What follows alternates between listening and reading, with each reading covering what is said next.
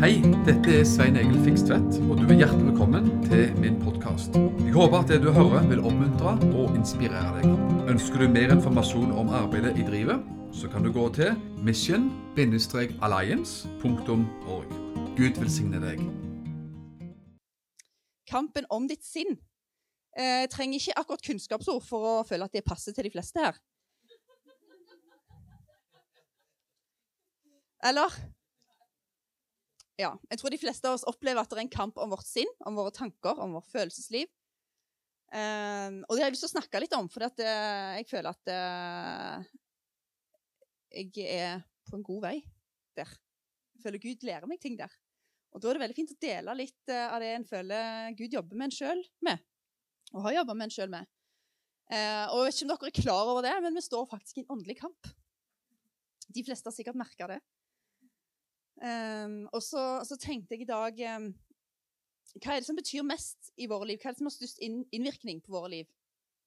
Er det det Gud sier om oss? Eller er det det vi sjøl sier i en situasjon? Det vi sjøl sier om oss sjøl? Eller er det det djevelen sier om oss sjøl?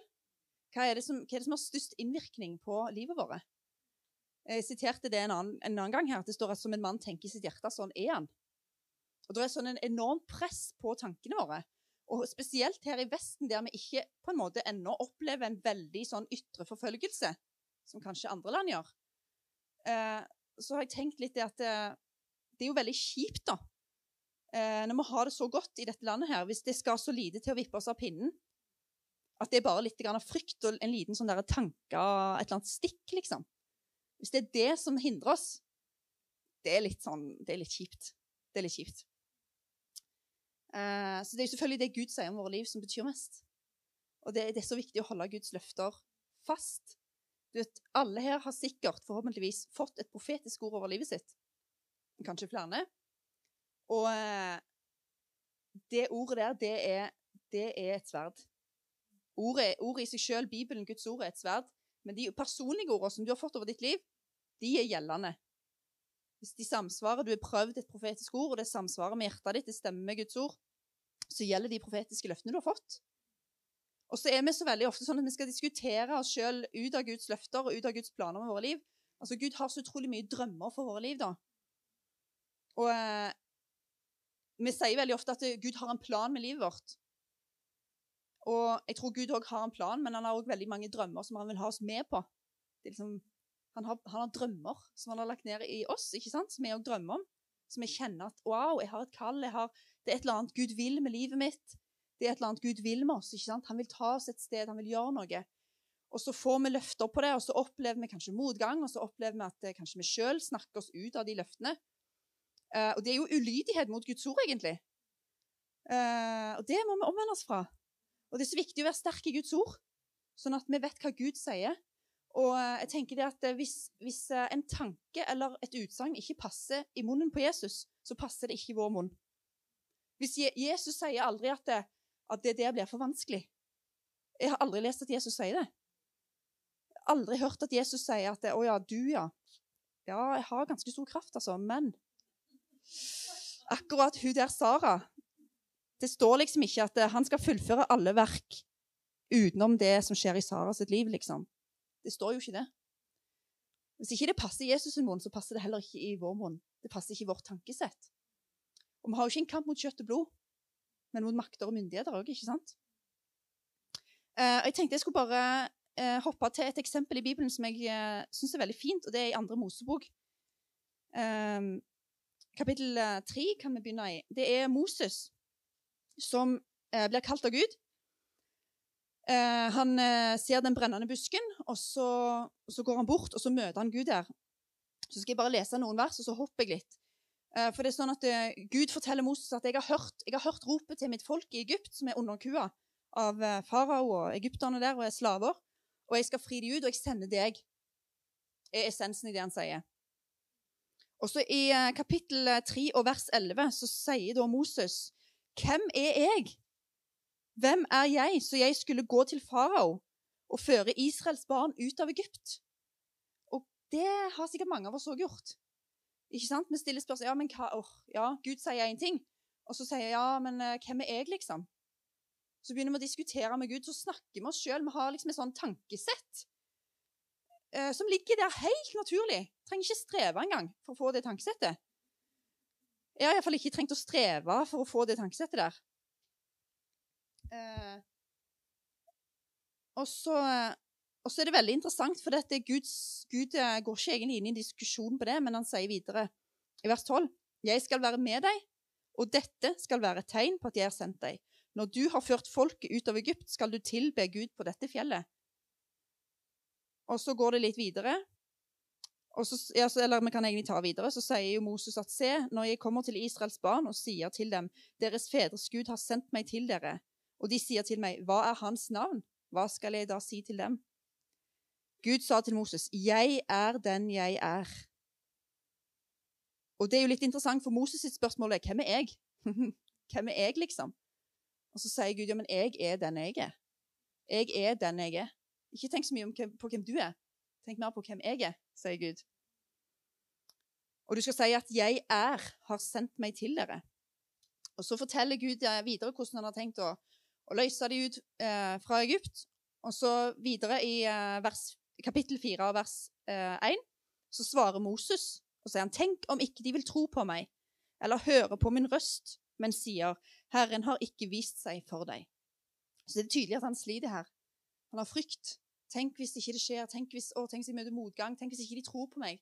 Tenk hvis, tenk hvis ikke ja, tenk hvis ikke folk tror på, på kallet mitt. Tenk hvis ikke folk tror på, på meg eller det jeg sier, eller tar meg alvorlig. Og så gir Gud han eh, et tegn, eller flere tegn, og det var at han skulle ha staven i hånda. Så kjenner vi den historien. Han hiver staven på bakken, og så blir det til en slange. Så tar han slangen opp igjen, og så blir det til en stav. Og så andre tegn er at han tar hånda si og gjemmer den inn i, inn i kappen, og så blir hånda spedalsk.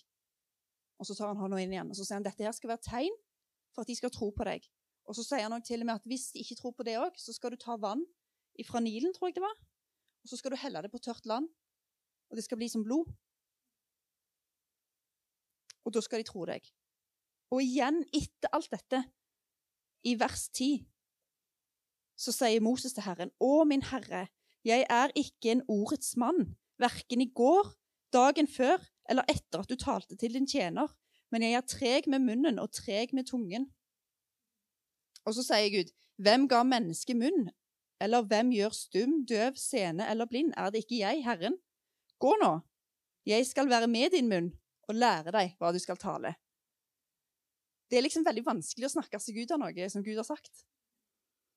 Og igjen så sier han, Å, min Herre, send bud med hvem som helst ellers du vil, men ikke meg. Og så tenker jeg, Hvor mange ganger gjør vi det med våre liv? Vi snakker oss sjøl ned, vi snakker oss sjøl ut av et løfte. Det er ikke sikkert alle er kalt til å fri ut israelsfolk, akkurat.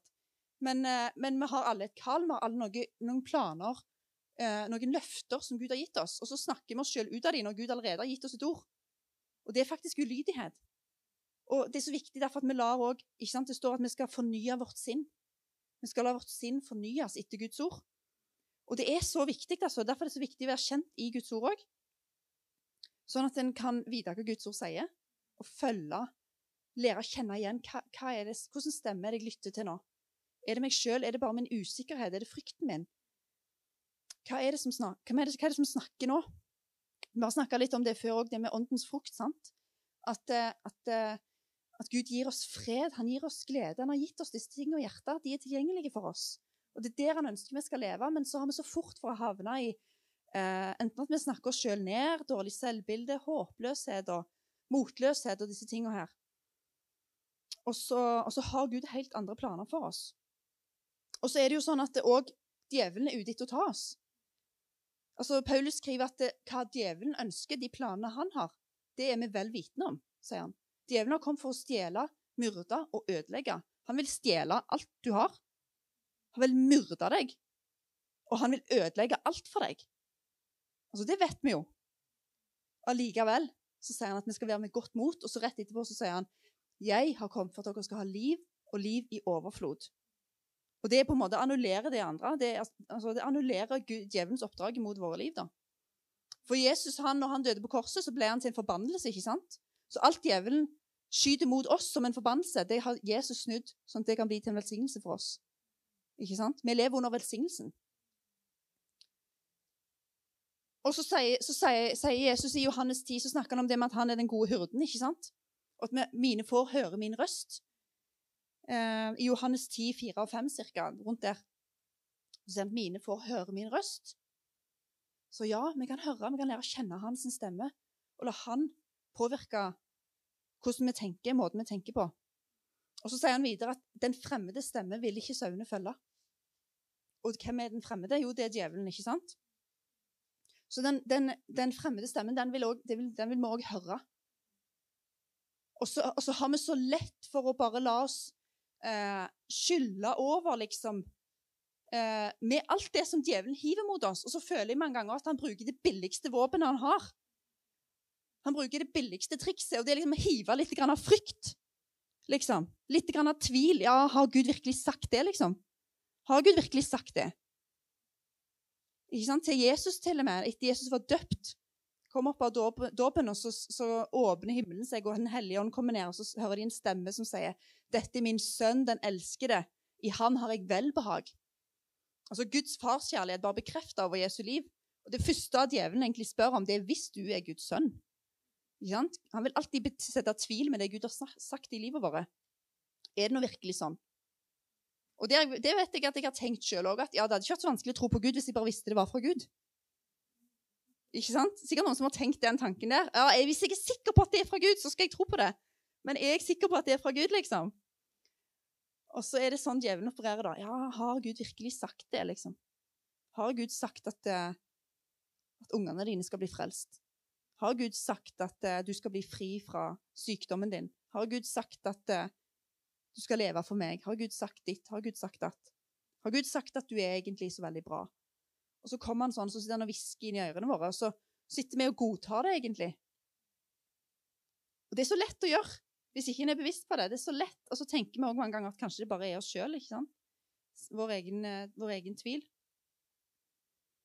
Um, og Det er jo så mange eksempler på det i Bibelen òg. Nå tok vi ett eksempel med Moses, som tvilte på Gud. Tvilte på seg sjøl og stilte masse spørsmål. Og min, min, måte, En av mine liksom, oppfordringer her i dag som jeg håper at vi skal gå hjem med, det er at vi skal ikke, skal ikke si imot Guds vilje. Vi skal ikke si imot de løftene som Gud har gitt oss. For han vil at vi skal være sterke. Ikke sant? Og det, det ja, han vil vi skal være sterke, og det står at gleden i Herren er vår styrke, står det.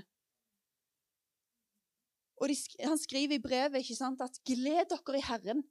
Igjen vil jeg si, gled dere. Gled dere i Herren. Gleden i Herren er, vår styrke. Hvorfor er det så mange i menigheten som ikke er glad? Som er bekymra? Det er fordi at hvis, hvis djevelen får tatt gleden vår, så får han tatt styrken vår. For der ligger styrken. Der ligger styrken. Og så er det til og med sånn at jeg vet ikke om dere har vært borti det, men hvis folk er veldig veldig glad, så er det akkurat som folk blir litt fornærma av det. Litt sånn irriterende hvis folk er veldig glad. Og så liksom sånn åh, føleri, føler av, liksom. Trenger ikke være så glad. Men hvis folk griner, det er lov. Det er veldig lov å grine på møte, f.eks. Det er lov. Det er ikke føleri, føler av. Det er veldig sterkt hvis folk griner. Å ja, ikke sant? Det er sterkt. Og det er jo det. Dere skjønner hva jeg mener. Men hvis folk ler, hvis folk er fulle av selvtillit til Gud, og, så er det liksom Ja, da må de jekkes ned noen hakk. Da, å ja, ikke sant?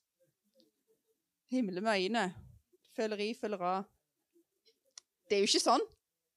Gleden i Herren er vår styrke. Og hvorfor skulle vi ikke være glad når vi er på seierslaget? Paulus skriver at eh, han leder oss, i, han leder oss alltid i triumftog. Og det er et sterkt bilde, for det, eh, i triumftog vet du, de gjorde det når de hadde inntatt et land. Romerriket, f.eks. Når jeg var i Roma, så var vi på sånn omvisning. Så fikk vi se bl.a. disse triumfbuene. Og der inne i de buene så kunne du se Israels paktkister og, og, skattene de hadde tatt fra Israel en gang i tida. Og det de gjorde da, det var at de, de brakte inn all triumfen, all gullet de hadde tatt fra fienden, alt landet de hadde erobra. Så kommer de inn i sånn triumftog. Og så sto folk og jubla, og så tok de dette opp til liksom palasset. da. Og folk var i ekstase. Og så ikke bare det, men helt bak så kom det ofte fanger som var offentlig gjort til skamme. Og det var jo det Jesus gjorde med djevelen. Han gjorde han offentlig til skamme. Og det samme bildet bruker jo egentlig Paulus når han sier at han leder oss alltid i triumftog. Ikke sant? Vi, han, vi kommer seirende inn med liksom seiersparaden, og så er vi på vinnerlaget. Jeg har lyst til at vi skal gå og bla opp i 2. Timoteus, kapittel 1.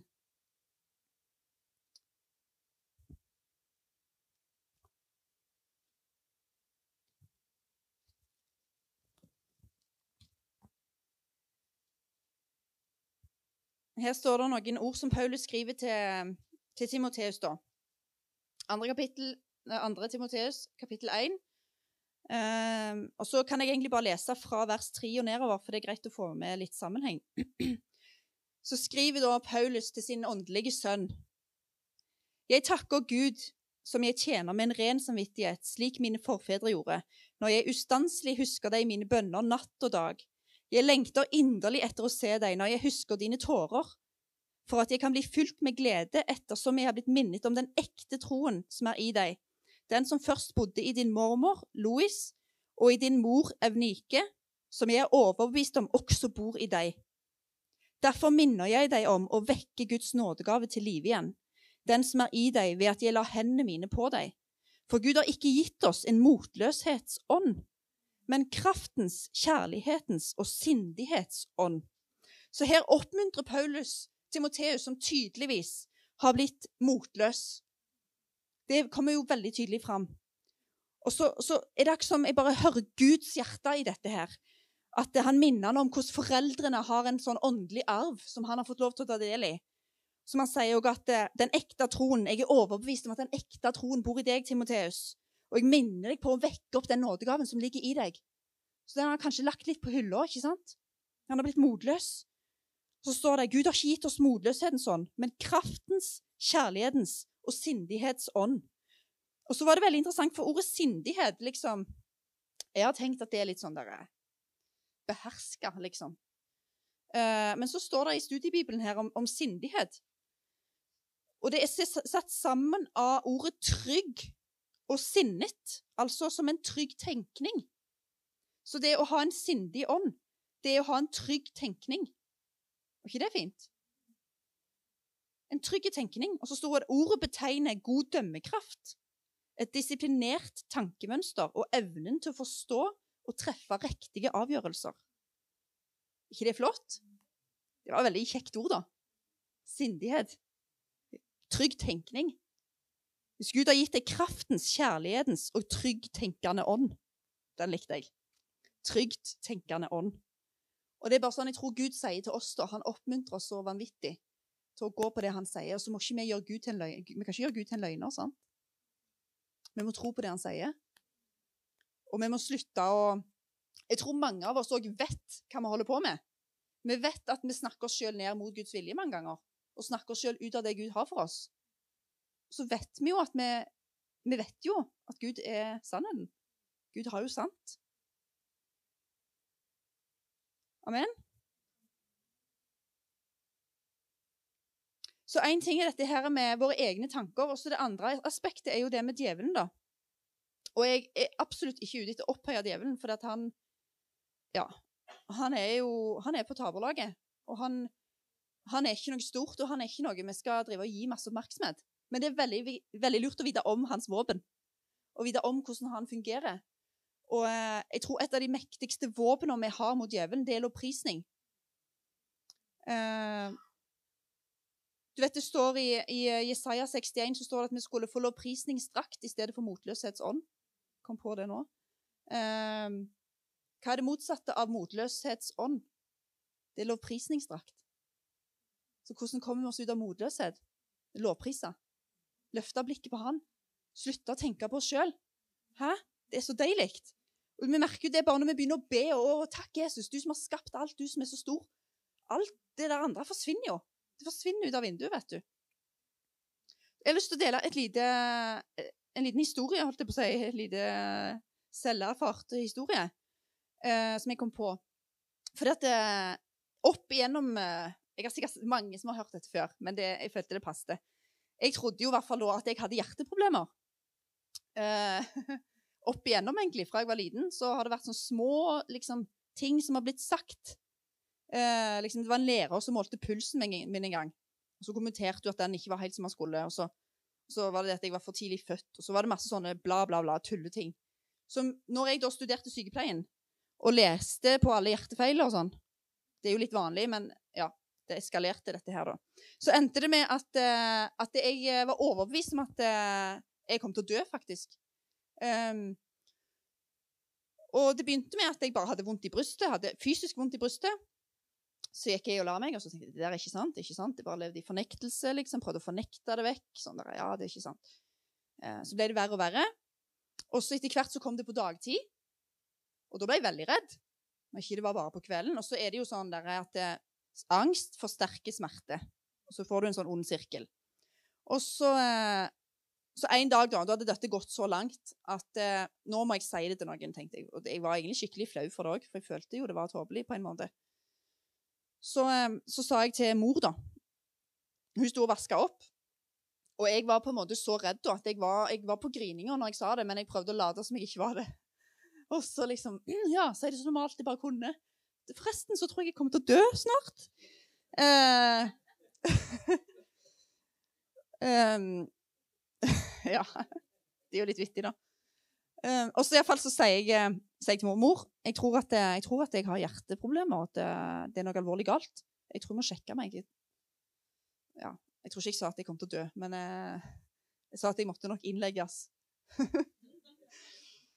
og så Mor, vet du, hun skjønner jo ikke alvoret, så hun gidder ikke se opp på oppvasken engang.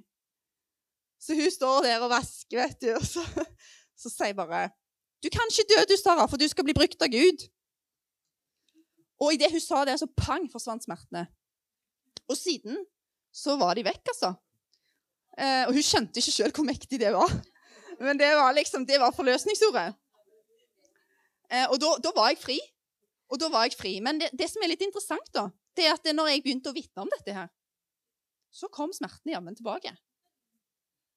Men det var en forskjell. Det var at jeg hadde fått et ord fra Gud. At jeg skal ikke dø, for jeg skal bli brukt av Gud. Sant? Jeg hadde fått et ord. Frykten var ikke der lenger. Frykten var vekk. Så når den smerten kom, så kunne jeg bare avvise den. Jeg bare Ja, jeg vet at det, det er bare tull. Du kan bare stikke. Du kan bare prøve. Du kan bare glemme det. Du kan bare glemme det. Djevel, du kan bare pelle deg vekk. Jeg vet at jeg ikke skal ha dette her. Så forsvant det, da. Og så En annen artig ting da, det var jo at eh, etter hvert så skulle jeg til, til Mosambik og sto i ganske stor tro for det på forskjellige områder. Og da òg, plutselig en dag, ett døgn, så bare hadde jeg smerter. Et helt døgn. Men det som var litt artig da, husker meg og ei venninne var på kjøpesenteret, og jeg bare Ja, jeg kjenner det skikkelig vondt, liksom. Å ja, det er skikkelig vondt. Men saken var at jeg var så glad. Og så tenkte jeg så merkelig at jeg er så glad av å ha så vondt i brystet. Å, liksom. Og, og så var jeg på bønnemøte på kvelden i, i Misjonskirka. Og liksom, ja, det var, det var, jeg hadde så vondt, det gikk ikke vekk. og Det var liksom ganske vondt, altså. Og så var jeg bare så overlykkelig.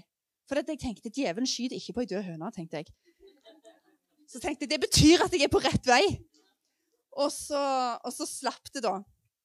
Og det er, det er, noe med at djevelen han prøver hele tida å få liksom litt fotfeste. Han gjør jo det. Men når vi har Guds ord, når vi står fast, når vi er liksom bundet i den kjærligheten til Gud, så er vi fri, ikke sant? Og så står det dette ordet her i Jesaja 54, vers 14. Så står det i rettferdighet skal du bli grunnfestet. Undertrykkelse skal være langt borte fra deg. Fordi du skal ikke frykte for noe. Og redsel skal ikke komme nær deg. Så her står det om undertrykkelse. Og hvorfor skal vi ikke være undertrykt? Er det fordi at alle omstendighetene er perfekt hele tida? Nei. Det står ingenting om det. Det står fordi du skal ikke frykte for noe. Så hva er det som gjør at vi er undertrykt? Jo, det er frykt. Omstendighetene vil alltid forandre seg, sant? Jesus sa i denne verden så skal dere ha trengsler, men vær med godt mot, for jeg har overvunnet verden. Ikke sant? Så hva, hva, er nøkkelen til å ikke være undertrykt? Det er jo at vi ikke har frykt. Frykten er ikke der. Da, da er det ingenting som kan bite på. Ingenting som kan bite på. Og så må vi ikke la djevelen sitte og hviske oss sånn i øret. Vi må spenne han vekk. Altså, hvis, hvis, en, hvis, en, hund kommer og biter deg i, i beinet, så er det veldig dumt, da, å stå og så bare Åh, ja Det er så vondt. Liksom. Det er skikkelig vondt. Den hunden den kommer stadig vekk og biter meg. altså. Det er så sårt. Jeg tror snart jeg må amputere beinet. Det er rett før den blir gnagt av, det er jeg sikker på. Altså, Hvis en hund kommer og biter deg i beinet, så spenner du den jo vekk. Du gjør jo det. Og Hva gjør vi da når djevelen kommer? Når, når, når demoner prøver seg, når onde åndsmakter kommer og prøver å putte på deg det ene etter det andre. Motløshet og frykt og depressive tanker. og han prøver til å vet du, Djevelen han har en veldig god agenda. Eller det er jo dårlig agenda, da, men det, den er effektiv. Og det er rett og slett Eva, hvis du kommer her, skal jeg bare bruke deg som et eksempel. Og det er at eh, djevelen, sant, det er jo sånn klassisk djevelen sitter på den ene skuldra. Men, men, det er jo et faktum at, vi, at onde ånder Vi kan høre de sin stemmer. sant? Så hvis Eva da, hun er her, så, så er jeg liksom en ond ånd, da. Så sitter jeg sånn og så sier jeg bare Jeg er så motløs. Så, så later han som at han har Eva sin stemme. Ja jeg, ja, jeg er egentlig litt deprimert. Ja. Og så snakker han sånn. Takk skal du ha. Og så, og så, bruker, så høres det ut som våre tanker, og så tenker vi oi, jeg er det, ja. Ja, ja da er jeg vel det, da. Ja, jeg, ja det, det, er min personlighet å være sånn. Ja, Det er jo ikke det. Det er jo ikke det. Vi er jo kjøpt fri, ikke sant? Men det er så Å, vi må vite om det. Og vi må gjøre noe med det. Vi har all autoritet. Vi kan bare ignorere han. Vi trenger ikke ha noe med han å gjøre. Vi trenger ikke gi han oppmerksomhet engang. Er, han elsker hvis vi skal begynne å kjefte på han. Vi trenger ikke det. tenk hvis hver gang hver gang djevelen kommer med en løgn eller mismot i, i vår, vårt, vårt, vårt, sinn Tenk hvis hver gang så bare begynner vi å takke deg, Jesus, for at du har kjøpt meg fri. Takk at du har gode planer for mitt liv. Takk at jeg har liv og liv i overflod. Takk for at du sa til meg den dagen at det skulle skje. Takk at du sa til meg det verset den dagen. Takk at du har sagt at du skal vise meg veien jeg skal gå. Takk at du har sagt at ved dine sår så har jeg legedom. Tenk hvis djevelen liksom, han, han, blir, han, begynner å grue seg for å plage deg, for han vet at hver gang han kommer og prøver seg, så, så bringer det oss bare nærmere Jesus. Hæ? Det er fantastisk. Og det er ikke det at det oftest det kan føles veldig, det kan føles veldig reelt. ikke sant? Og vi, vi, opplever jo Det kan oppleves tøft. Men det er så viktig å ha Vi er rotfesta i Guds ord. Vi er planta på en klippe som ikke kan rokkes. Vi har en tro på Jesus, som er faktisk verdens frelser.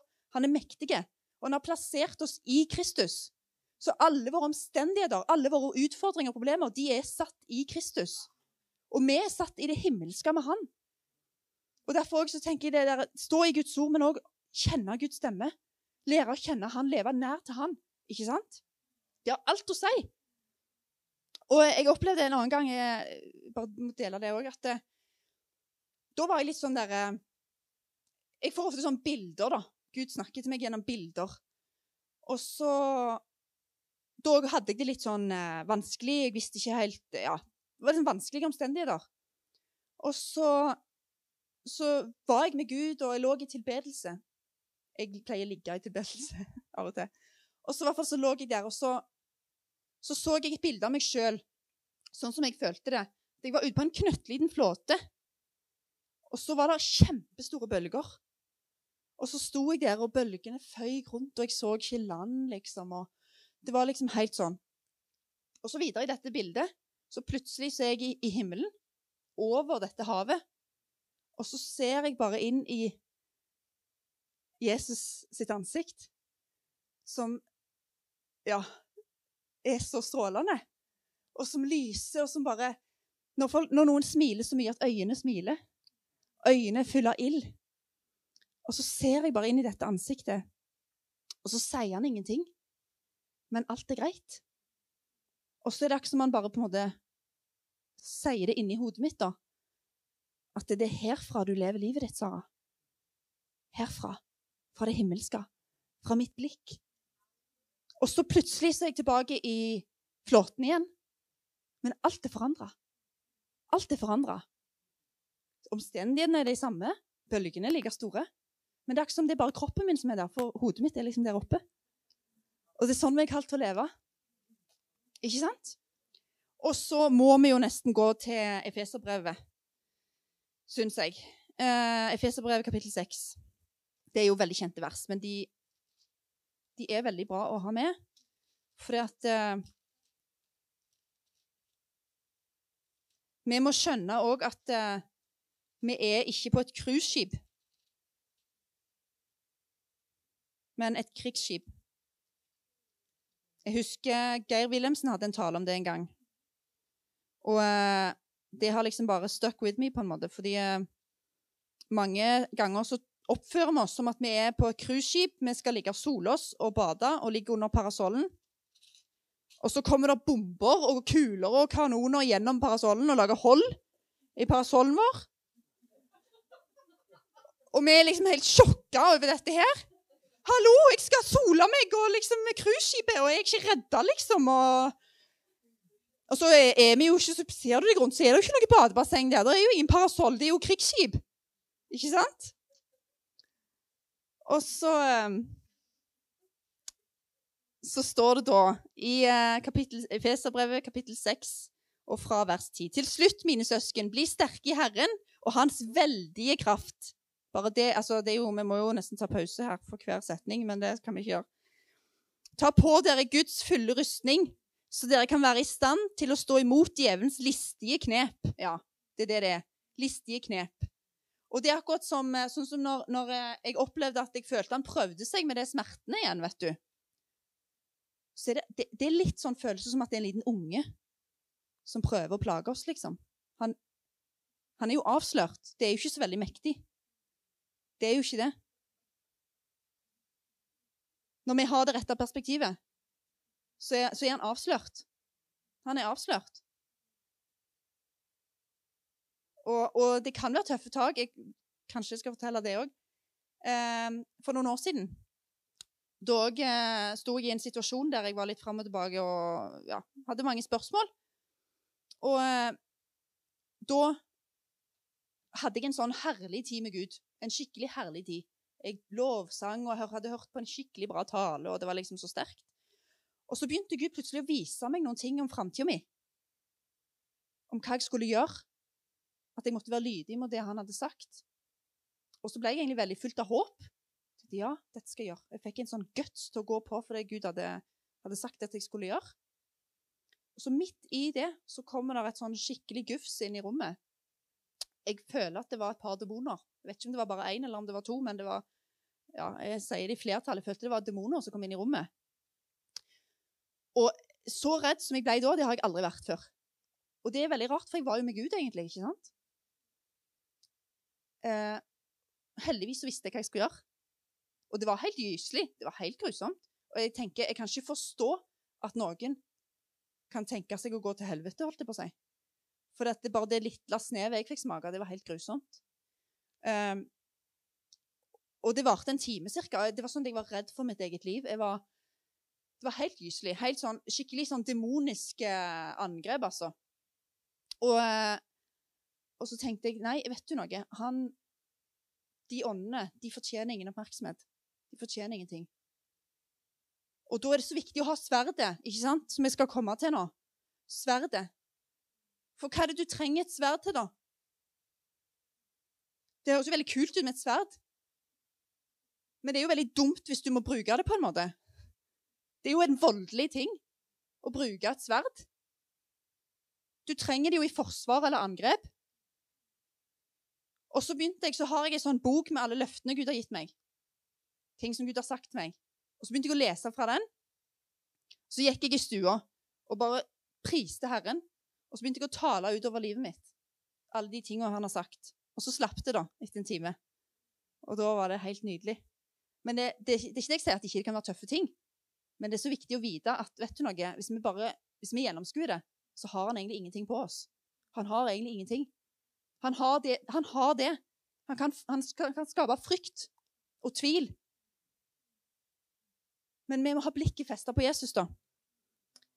Ta på dere Guds fulle rustning, så dere kan være i stand til å stå imot djevelens listige knep.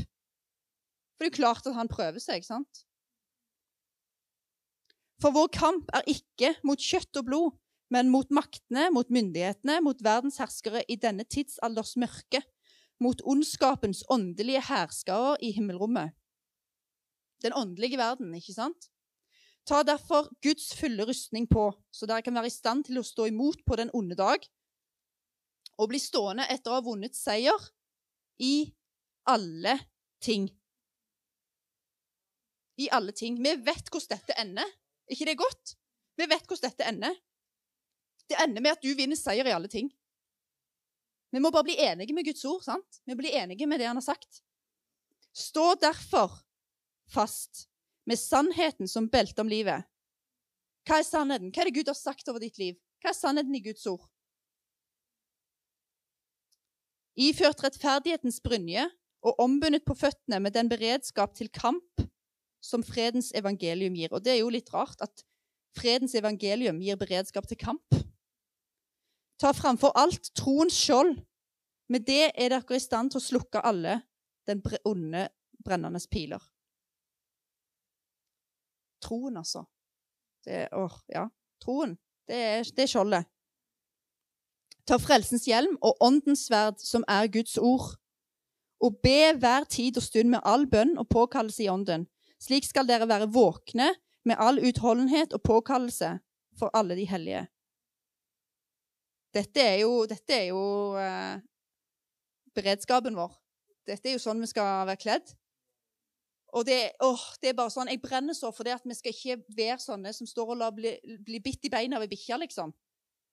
At vi skal forstå virkeligheten vi lever i. At det er, er en kamp. Det er en kamp om sinnet vårt. Det er en kamp om tankene våre. Og det er egentlig en så liten kamp, da. Tenk hvis vi, tenk hvis vi skal bli begrensa av det som foregår inni her. Vi trenger jo ikke noe fengsel da. Vi er jo i fengsel inni her, ikke sant? Men Gud har kalt oss til frihet. Til, frigjort, til frihet har Kristus frigjort dere. Han har ikke frigjort oss til delvis frihet eller frigjort oss til å streve. Han har frigjort oss til frihet. Og han leder oss faktisk alltid i triumftog. Og så står det ikke sant, om, om kjærligheten som, den fullkomne kjærligheten som driver ut all frykt. Å leve i den kjærligheten, så vet vi vi har ingenting å frykte. Hva kan et menneske gjøre meg? Hva, hva, betyr det om ikke mennesker vil godta meg når jeg er godtatt av han?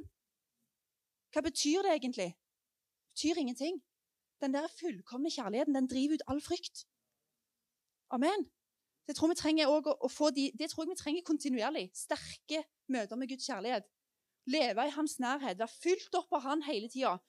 Ånden og ordet. Det er to gode bein å stå på. Være fylt av ånden og være fylt av ordet så kan vi, så kan vi ta den kampen. Og det er jo egentlig så lett. Og djevelen, han er ikke stor.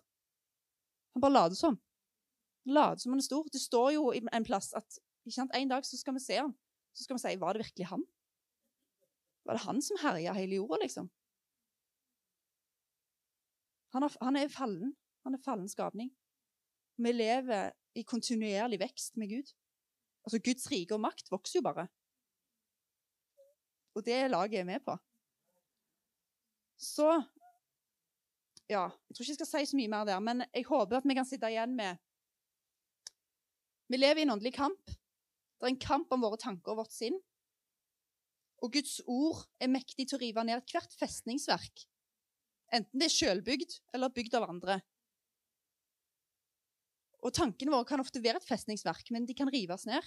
Og vi er kalt til å fornye vårt sinn. Ikke sant? Og så lever vi tett til Han. Og det er så herlig. Og, så tror jeg òg at vi skal Jeg håper ikke at noen føler at de liksom blir fordømt hvis de lever i en skikkelig kamp, da. Eller lever i frykt. Det tror jeg vi alle kjenner på. Men det er jo selvfølgelig nåde å få oss Herren. Og så tror jeg at han vil sette oss i frihet. Han vil gi oss en sånn kickstart. Han vil sette oss inn i et nytt gir. Og eh, jeg tror han vil forvandle måten vi tenker på. At vi avslører disse tingene så mye fortere. Sånn at det, det, det, blir, det, blir, ikke de store kampene etter hvert. For vi har allerede Du vet, De som kjemper en kamp, de blir sterkere av den kampen. Og så oppgraderer de jo, ikke sant? Så oppgraderer de jo, så blir de sterkere og sterkere. Så det som var vanskelig for ti år siden, det er jo ikke vanskelig nå. Det er jo ikke det. Så vokser vi, og så blir vi sterkere. Og vi er kalt til å være åndelig sterke. Og være leder i de triumftogene. Herre, bare takke deg for ditt ord. Takke deg, Herre, for at uh, du har sagt at vi er på det seirende laget. Takke deg for at du har gitt oss din ånd, som har tatt bolig i våre hjerter. Jeg takker deg for at eh, Du flytta inn med hele Den hellige ånd. Du flytta ikke ut med bare litt. Hele din fylde bor i oss. Takk at du, Herre, som er fredsfyrsten, har tatt bolig i våre hjerter. Og takk at ikke du har gitt oss motløshetsånd. Takk at tvil kommer ikke fra deg. Frykt kommer ikke fra deg. Motløshet, depresjon, selvmordstanker. Håpløse situasjoner, løgntanker om at kanskje et ekteskap ikke skal fungere. Alle disse tingene, det er løgn. Det er løgntanker. Det skal avsløres som løgn. Hva sier Guds ord? Hva sier Jesus? Høres det ut som noe Jesus ville sagt? Ikke sant? Og takker deg for det, Jesus, at ditt ord står fast. Og takker deg at du er så god mot oss og så nådig mot oss, Herre. Takk at du, du er den som holder oss oppe. Du er den som fyller oss med din kraft og din autoritet, Herre. Takk at i deg så makter vi alt. I oss sjøl kan vi være så svake vi bare vil, holdt det på å si. Men i deg så klarer vi faktisk alle ting. Du har sagt at vi kan være glade under hver omstendighet, Herre. Du har, du har gitt oss glede som en gave.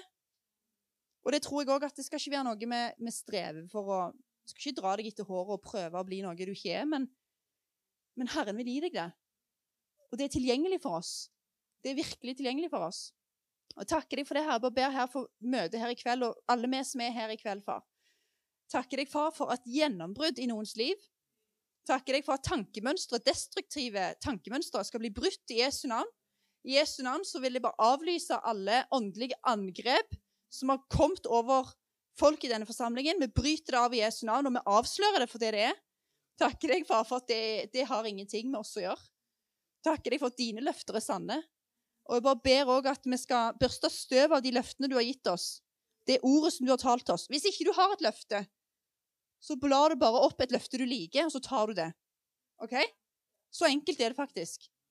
Det er bare å finne hva er det du trenger. Trenger du legedom? Trenger du gjennombrudd? Finn et løfte, så tar du det bare. Det står i Bibelen, det til deg. OK? Amen. Takk for at du har lytta til denne podkasten. Jeg ønsker deg en velsigna god dag.